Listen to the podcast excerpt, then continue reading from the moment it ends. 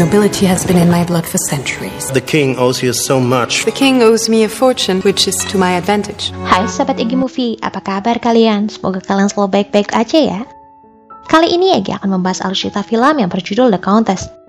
Film ini diangkat dari biografi seorang wanita bangsawan Hungaria yang bernama Countess Elizabeth Bathory de Exet. Dikabarkan karena terobsesi dengan kecantikan, wanita ini rela melakukan apa pun, Lantas bagaimana kaki selengkapnya? Jangan lama-lama, langsung aja kita masuk ke alur ceritanya. History is a tale told by the victors, barbaric warriors, mad kings, and greedy traitors. Film dibuka dengan diperlihatkannya seorang pria yang sedang mengunjungi pemakaman yang dikhususkan untuk para prajurit kejam, raja-raja yang gila dan pengkhianat-pengkhianat yang serakah. Di antara makam tersebut terdapat makam dari seorang wanita yang akan kita bahas di film kali ini, yaitu makam Elizabeth Bathory. Dan di depan makam tersebut, pria itu mengingat kembali sejarah kehidupan dan sepak terjang dari Elizabeth semasa hidupnya. Di scene selanjutnya, kita akan dibawa kembali ke tahun 1560, di mana kita akan melihat kelahiran seorang bayi bernama Kontes Bathory Elizabeth dilahirkan di Hungaria dan berasal dari keluarga yang paling terpandang di wilayahnya. Sejak ia dilahirkan, Elizabeth sudah dijodohkan oleh kedua orang tuanya dengan Franz Nadasti yang memiliki kedudukan dan kasta yang sama dengan keluarganya. Di kehidupan keluarganya, sejak usia dini, Elizabeth sudah diajarkan agar tidak memiliki rasa takut dan berbelas kasihan pada apa pun. Dimulai dari diperlihatkannya pelayan yang sedang dihukum, melihat mayat sang ayah, serta mengubur hidup-hidup anak ayam. Semua itu dilakukan oleh keluarganya semata-mata untuk menjadikan Elizabeth menjadi orang yang pemberani dan tidak berperasaan. Saat menginjak usia remaja, Elizabeth menjalin hubungan dengan seorang laki-laki yang seumuran dengannya. Namun saat sang ibu mengetahui hubungan tersebut, ia pun seketika sangat marah kepada Elizabeth. Sang ibu pun kembali mengingatkan kalau dirinya telah dijodohkan dengan pria pilihan keluarganya yang satu level dengannya. Dan untuk menutupi aib atas perbuatan mereka, sang pacar pun disiksa dan dibunuh dengan kejam, tepat di hadapan Elizabeth yang saat ini sedang hamil tua. Dan ketika bayi yang dikandung Elizabeth terlahir ke dunia, sang ibu pun berkata bahwa sampai kapan pun Elizabeth tak akan pernah melihat putranya kembali. Singkat cerita, Elizabeth pun menikah dengan Franz Nadasdi di umurnya yang masih belia, di umur 15 tahun. Dan tak lama setelahnya, sang ibu pun kemudian meninggal dunia. Waktu kemudian berlalu, hingga 10 tahun kemudian. Elizabeth kini pun memiliki tiga orang anak setelah menjalani biduk rumah tangganya dengan sang suami. Sang suami yang merupakan komandan perang sangatlah disegani di wilayahnya, karena selalu memenangkan perang ketika dia yang memimpin pasukan dan dengan keberhasilannya tersebut, ia pun mendapatkan upah yang sangat besar dari kerajaan Hungaria. Dikombinasikan dengan Elizabeth yang begitu sangat pintar mengelola keuangan, sehingga harta yang mereka miliki pun kini berlipat dengan sangat pesat. Sampai-sampai pihak kerajaan sendiri berhutang kepada keluarga mereka. Dengan kecerdasan dan kemauan keras Elizabeth serta dukungan kekuatan militer dari sang suami, membuat mereka menjadi keluarga yang sangat dihormati dan ditakuti oleh setiap orang pada masanya dan film pun dimulai. Good afternoon, my king. Good afternoon, dear Count Noroshi. Suatu hari selepas berperang, Franz mengunjungi kediaman Raja Matias untuk mengambil upahnya selama setahun berperang. Namun karena sang raja yang saat ini tidak memiliki cukup uang untuk membayar gajinya pun meminta sedikit waktu kepada Franz. Namun nampaknya Franz tidak memperdulikan alasan sang raja. Dirinya hanya ingin upahnya segera dibayar hari ini juga, karena ia akan pulang bertemu dengan keluarganya. Sehingga sang raja pun mau tak mau memberikan cawan suci berlapis emas milik kerajaan kepada Franz untuk membayar semua hutang gajinya. Kepulangan Franz begitu sangat disambut sukacita oleh Elizabeth serta ketiga anaknya. Namun kebahagiaan tersebut nampaknya tak bertahan lama, karena Ferenc terserang wabah penyakit semasa dirinya di medan perang. Meski dirinya telah dirawat oleh tabib terbaik di wilayahnya, namun tetap saja nyawanya tidak tertolong. Ada pepatah berkata, sehebat apa pun dirimu, setinggi apa pun pangkatmu, dan sekaya apa pun hartamu, kalau malaikat maut sudah menjemput, tidak ada apa pun yang dapat menghentikannya. Di acara pemakaman sang suami, Elizabeth terlihat begitu sangat tegar. Tidak ada sedikit pun terlihat raut kesedihan di wajahnya. Dan seusai acara pemakaman, ia pun menegaskan kepada asistennya bahwa kematian sang suami tak akan melemahkan posisi dan konsistensi di hadapan sang raja. Untuk mendukung tekadnya, ia pun kembali mengirim tentara didikannya kembali ke medan perang untuk mewakili keluarganya. Bahkan ketiga anaknya pun dikirim ke tempat yang aman di Wina untuk belajar dari guru-guru yang terbaik di sana, agar dirinya bisa lebih fokus untuk melanjutkan pertahanan kastil dari mendiang sang suami. Seusai mengantar ketiga anaknya, Elizabeth pun pergi ke kediaman Raja Matias untuk menagih upah sang suami yang belum dibayarkan. Namun sayangnya Raja Matias belum dapat membayar upah Ferenc dengan alasan banyak kebutuhan untuk membantu rakyatnya. Karena kondisi saat ini masih dalam keadaan berperang. Dan di momen inilah Elizabeth menegaskan kalau dengan kematian sang suami tidak menyurutkan sedikit pun tekadnya dalam mengelola bisnis yang selama ini dia geluti sehingga sang raja yang awalnya nampak sedikit meremehkan Elizabeth setelah melihat ketegasannya seketika menjadi segan dengan Elizabeth. Sehingga Elizabeth pun berhasil menunjukkan konsistensinya di hadapan sang raja. Di suatu acara makan malam di kediaman bibinya, terlihat Elizabeth nampak disinggung oleh seorang pendeta yang menanyakan tentang banyaknya harta kekayaan yang dimiliki oleh Elizabeth. Sampai-sampai raja saja banyak berhutang padanya. Namun Elizabeth yang begitu sangat cerdas mengatakan kalau raja berhutang kepadanya karena keberuntungan sang raja, sedangkan dirinya memiliki keberuntungan dengan banyak uang. Dan mengenai dirinya mengapa memiliki begitu banyak harta, Elizabeth berkata kalau dirinya memiliki hak untuk tidak berbagi rahasia dengan para pendeta mengenai pengelolaan keuangannya. Mendengar hal tersebut membuat pendeta itu pun seketika terdiam. Susai makan malam, Elizabeth didatangi oleh sepupu jauhnya yang bernama Georgie, yang juga merupakan seorang bangsawan. Georgie pun kemudian menyatakan niatnya untuk menikahi Elizabeth, yang bertujuan untuk menyatukan kekuatan mereka masing-masing. Namun Elizabeth menolak lamaran tersebut, dengan alasan saat ini dirinya tidak mau menikah lagi karena masih fokus terhadap peperangan yang akan mereka lakukan terhadap kerajaan Turki. Dan untuk menutup kesempatan dari sepupunya tersebut, Elizabeth pun berkata kalau Georgie mendapatkan gelar bangsawan melalui perkawinan dengan putri bangsawan. Sedangkan kebangsawanan dirinya telah melekat dan mendarah daging selama berabad-abad di garis keturunannya. Dengan kata lain, Georgie sang sepupu tidaklah pantas meminang Elizabeth dengan status kebangsawanannya yang jauh lebih tinggi. Mendengar hal itu, Georgie pun seketika tersadar dan segera pamit dengan menyimpan sesuatu yang mengganjal di dalam hatinya. Seusai makan malam dan berbincang-bincang, sang bibi pun kemudian mengajak Elizabeth ke acara pesta dansa. Dan di saat itu, tanpa sengaja, ia bertemu dengan seorang pria muda dan tampan. Mereka berdua pun terlihat saling curi-curi pandang satu sama lainnya. Elizabeth yang penasaran sekaligus terkesan dengan pria tersebut mencoba bertanya-tanya kepada bibinya. Sang bibi pun berkata kalau pemuda itu bernama Isvan yang juga merupakan putra dari sepupunya yang ditolaknya tadi, yaitu Georgie. Mengetahui kalau Elizabeth tertarik dengan Isvan, bibinya pun mengenalkan mereka berdua. Setelah berbincang-bincang sejenak, Isvan pun mengajak Elizabeth untuk berdansa. Dan di momen inilah muncul benih-benih cinta antara Elizabeth dengan Isvan pun tumbuh. Meski perbedaan umur mereka terlampau jauh, tak membuat cinta keduanya padam. Mereka bahkan yakin bahwa cinta mereka adalah takdir oleh Tuhan.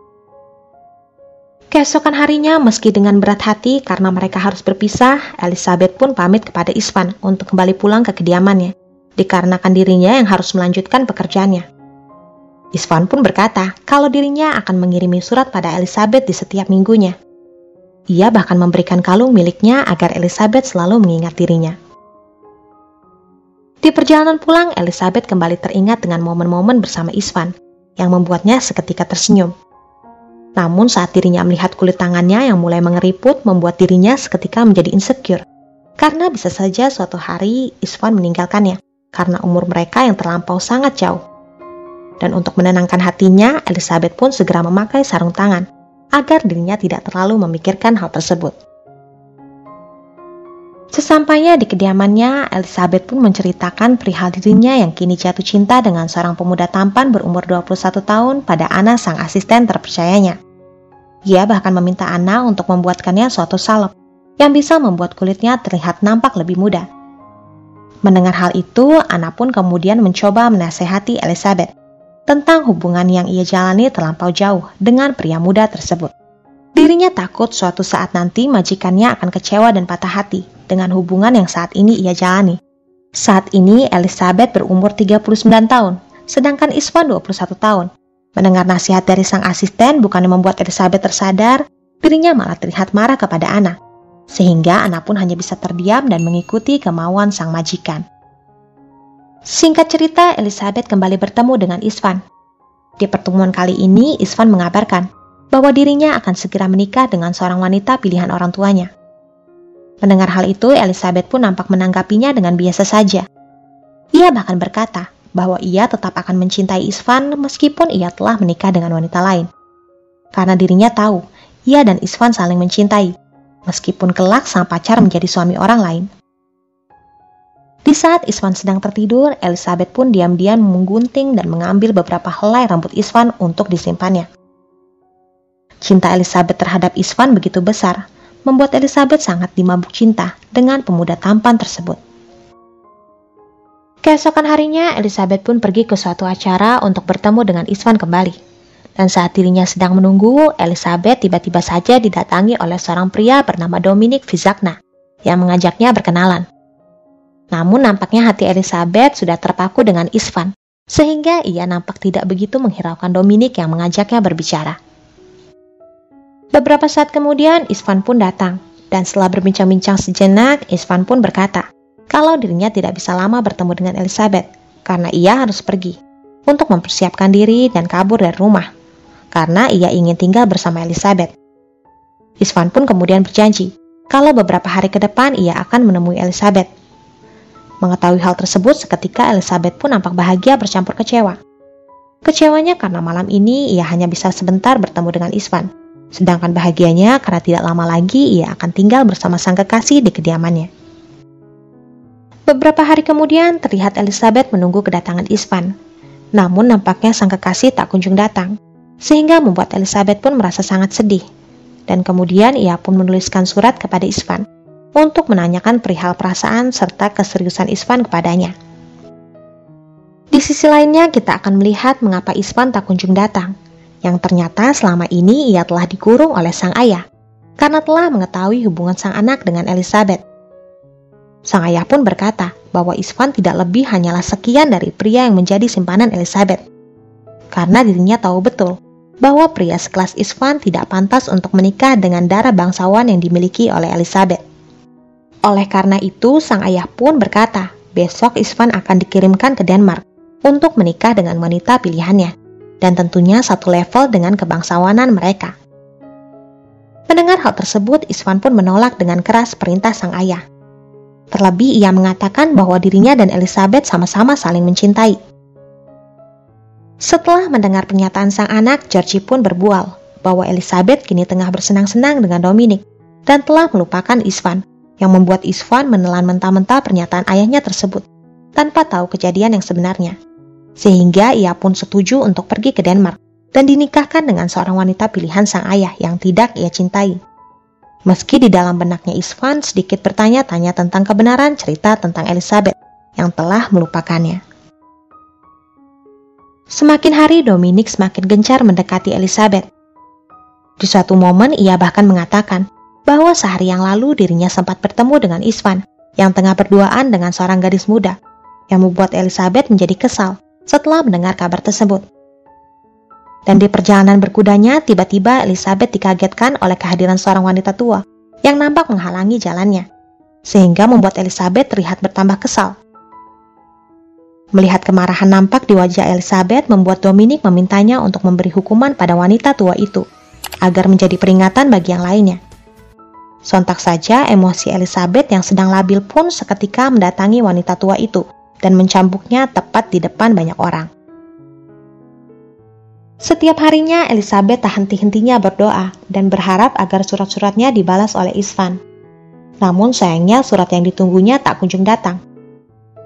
Elizabeth yang frustasi karena telah kehilangan jejak dari sang kekasih membuatnya menjadi kehilangan akal sehat. Ia pun mulai melakukan hal-hal gila, yang mana ia memasukkan helai rambut Isvan ke dalam kulitnya. Dan tidak hanya itu, Ia pun melakukan mogok makan dan minum, serta menghabiskan hari-harinya di dalam kamar. Di momen ini kita akan melihat wanita yang dididik dari kecil untuk menjadi pribadi yang keras dan tak berperasaan seketika menjadi tak berdaya ketika dihadapkan dengan namanya cinta.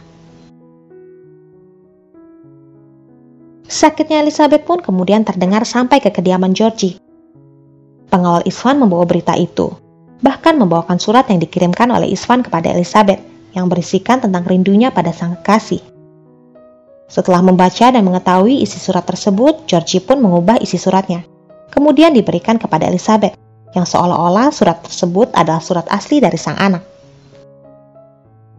Saat mendapatkan surat dari Isvan, Elizabeth pun begitu sangat terkejut setelah mengetahui isi dari surat yang berisikan bahwa saat ini Isvan tengah berbahagia karena sangat mencintai gadis muda yang telah dijodohkan oleh orang tuanya, yang jelas umurnya setara dengannya. Setelah membaca surat tersebut, Elizabeth pun menjadi sangat gila dan frustasi. Ia pun beranggapan bahwa kulitnya yang menualah sumber dari semua masalah percintaannya dengan Isvan. Di kegalauannya, Elizabeth kembali didatangi oleh Dominic yang ingin bertemu dengannya. Dan saat berbincang-bincang, Dominic memberikan sebuah buku kepada Elizabeth. Buku itu berisi bercerita tentang penyiksaan-penyiksaan yang sangat kejam, yang terjadi saat di zaman perang. Bahkan Dominic sendiri meminta Elizabeth melakukan sedikit teknik penyiksaan yang ia dapat dari buku tersebut, dengan cara mencambuk tubuhnya sendiri. Sehingga membuat jati diri Elizabeth yang kejam yang selama ini terpendam kembali muncul setelah bertemu dengan Dominic. Dan di waktu itu Dominic pun menegaskan bahwa dirinya siap untuk menjadi hamba dan pesuruh Elizabeth. Keesokan harinya saat sang pelayan sedang menyisir rambut Elizabeth, tanpa sengaja ia menarik rambut Elizabeth terlalu kuat, sehingga membuat Elizabeth yang marah seketika refleks memukulnya, sampai-sampai darah dari kepalanya pun muncrat ke wajah Elizabeth. Dan saat Elizabeth akan menghapus darah tersebut, tiba-tiba saja ia merasa bahwa darah itu meresap ke dalam kulitnya, dan seketika Elizabeth pun menjadi yakin bahwa darah seorang perawan bisa membuatnya menjadi awet muda.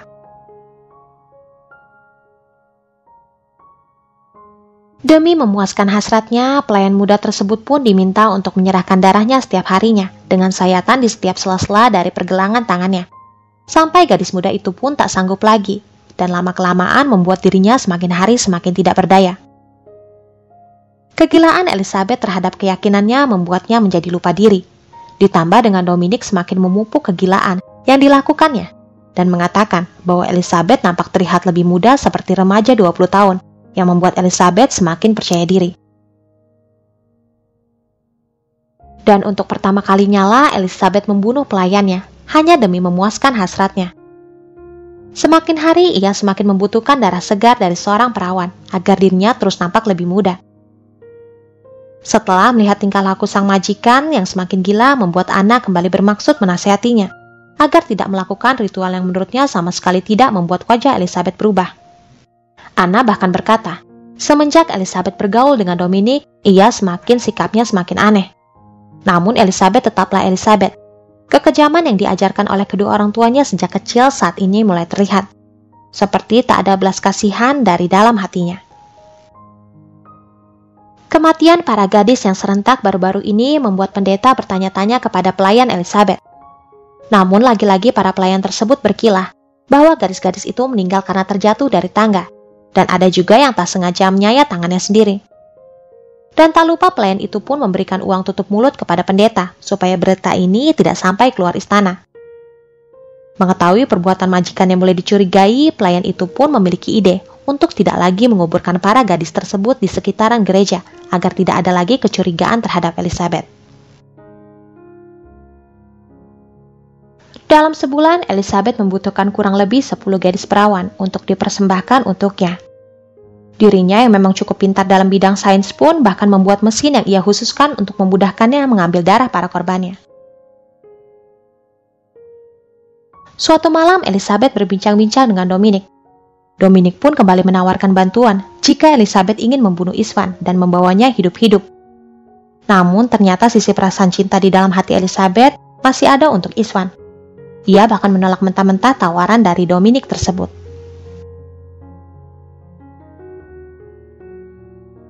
Di pagi buta tak sengaja Ana melihat Dominic menyusuri kediaman mereka. Ana pun kemudian menghampirinya dan berkata bahwa ia tahu bahwa Dominic merupakan suruhan seseorang yang ingin membuka tabir keji dari seorang Elizabeth, yang mana tujuan Dominic hanya ingin menjebak Elizabeth semata. Mendengar hal tersebut seketika Dominic pun berkilah, sehingga terjadilah perdebatan antara mereka berdua. Dominic berkata, dia akan membuktikan siapa kelak yang lebih dipercayai oleh Elizabeth. Ia juga menantang Anna tentang siapa di antara mereka berdua yang akan mati duluan sehingga membuat Ana menjadi sedikit takut dengan sikap Dominic dan semakin curiga dengan tingkah lakunya.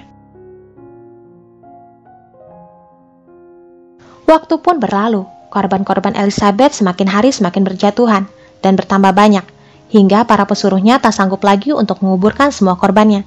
Sehingga mayat-mayat itu pun hanya digeletakkan di tengah hutan, sampai tubuh mereka dimakan oleh hewan buas. Sepandai-pandainya Elizabeth menutupi boroknya, toh akhirnya akan keciuman juga. Terbukti dari para warga yang mulai mencium kematian para gadis perawan yang disebabkan oleh Elizabeth. Di lain sisi, setiap pembunuhan yang ia lakukan, Elizabeth selalu menuliskan data korbannya di sebuah jurnal kematian miliknya. Dan di saat Elizabeth mengetahui bahwa pendeta akan segera melaporkan kejanggalannya kepada sang raja, tiba-tiba saja sang pendeta didatangi oleh dua orang suruhan Elizabeth dan saat itu juga sang pendeta pun dibunuh. Suatu malam Elizabeth sedang tertidur lelap. Tiba-tiba saja Dominic mengambil secara jurnal pembunuhan milik Elizabeth. Ia bahkan turun ke lorong tersembunyi Elizabeth untuk mencari tahu mesin yang dibuatnya untuk mengambil darah para korbannya. Dan setelah dirasanya aman, ia pun kabur meninggalkan kediaman Elizabeth. Mengetahui bahwa salah satu jurnalnya hilang seketika membuat Elizabeth panik. Ia pun lantas meminta para pelayannya untuk mencari Dominic sebelum Dominic memberikan jurnal tersebut pada sang raja.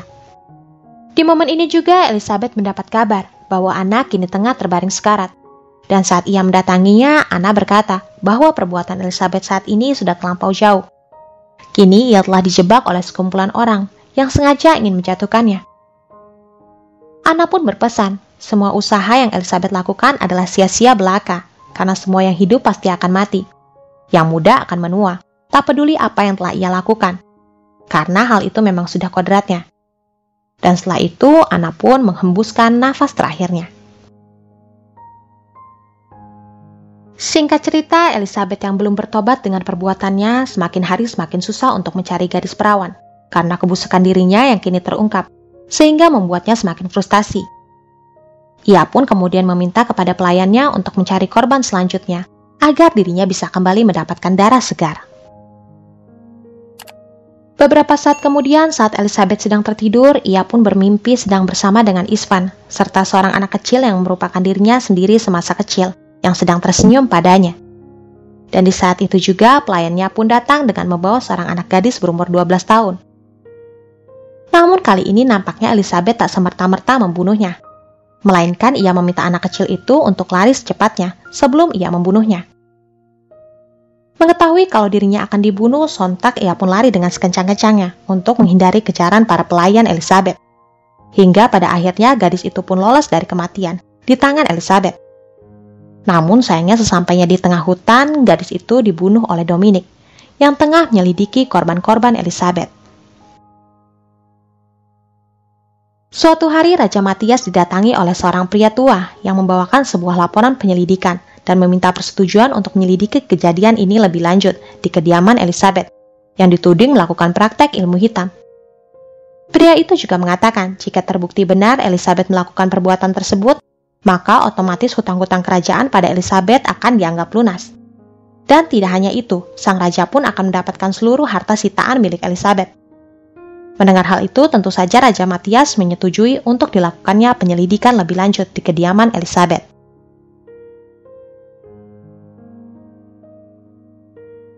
Di lain sisi, kita akan melihat Georgie beserta dengan Dominic yang telah berhasil membuat kehancuran pada Elizabeth. Georgie pun telah berhasil membuat sang anak Isvan percaya bahwa Elizabeth merupakan wanita jahat yang telah banyak membunuh para gadis. Saat Georgie meninggalkan Dominic berdua dengan Isvan, Dominic kembali menjelek-jelekan Elizabeth kepada Isvan. Ia berkata bahwa Elizabeth juga pernah berniat untuk membunuh Isvan. Namun nampaknya Isvan tak terlalu begitu mempercayai Dominic yang memang serakah dan sama seperti ayahnya. Keesokan harinya, Isvan pergi bersama dengan pengawalnya untuk melihat dengan kepalanya sendiri tentang kekejaman Elizabeth. Ia pun lantas mendatangi ke kediamannya. Mengetahui kedatangan Isvan membuat Elizabeth kembali tersenyum. Ia pun lantas menanyai kabar kebenaran tentang Isvan yang tak lagi mencintainya. Di momen ini, Isvan pun kemudian menceritakan semua kebenaran pada Elizabeth, bahwa dirinya selama ini sering mengirimi surat pada Elizabeth. Namun sayangnya surat itu tak pernah sampai pada Elizabeth. Namun nampaknya Elizabeth tidak begitu memusingkan alasan-alasan yang dibuat oleh Isvan. Yang Elizabeth ingin hanyalah menghabiskan waktunya berdua dengan Isvan setelah sekian lama tidak berjumpa. Beberapa saat kemudian saat Elizabeth sedang tertidur lelap, Isvan pun mencari tahu kebenaran tentang kekejaman Elizabeth. Ia pun lantas pergi ke lorong tempat di mana Elizabeth membuat mesin untuk membunuh korbannya. Seketika Isvan pun begitu syok dan tak percaya dengan apa yang dilakukan oleh Elizabeth. Dan ia pun hanya bisa terdiam dan tertegun. Pihak kerajaan pada akhirnya menghukum Elizabeth atas kejahatan yang dilakukannya karena telah terbukti membunuh lebih dari 600 gadis perawan. Namun karena Elizabeth merupakan bangsawan, ia pun tidak dihukum mati, melainkan ia dihukum dikurung di atas menara tertutup sedangkan pelayan yang turut serta membantunya dalam pembunuhan dihukum mati. Seluruh harta warisannya kini jatuh ke tangan Georgie, dan seluruh hutang raja pun dianggap lunas. Saat bertemu dengan Georgie, Elizabeth pun berkata, karena ulah Georgie yang telah menjebaknya lah membuat selamanya orang-orang akan menaruh benci kepadanya. Elizabeth juga berkata bahwa ia masih dan akan terus tetap mencintai Isvan, meski ia harus merasakan penderitaan.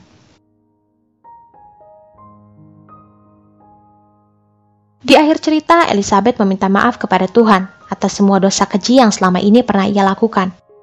Dan tepat pada malam harinya, ia pun memutuskan untuk bunuh diri. Dan kemudian mayatnya pun dikuburkan dengan sangat tidak layak oleh orang-orang yang membencinya. Hingga terungkaplah kini siapa pria yang mendatangi makam di awal scene yang sempat kita lihat tadi. Pria tersebut adalah Isvan yang sedang mengunjungi makam Elizabeth.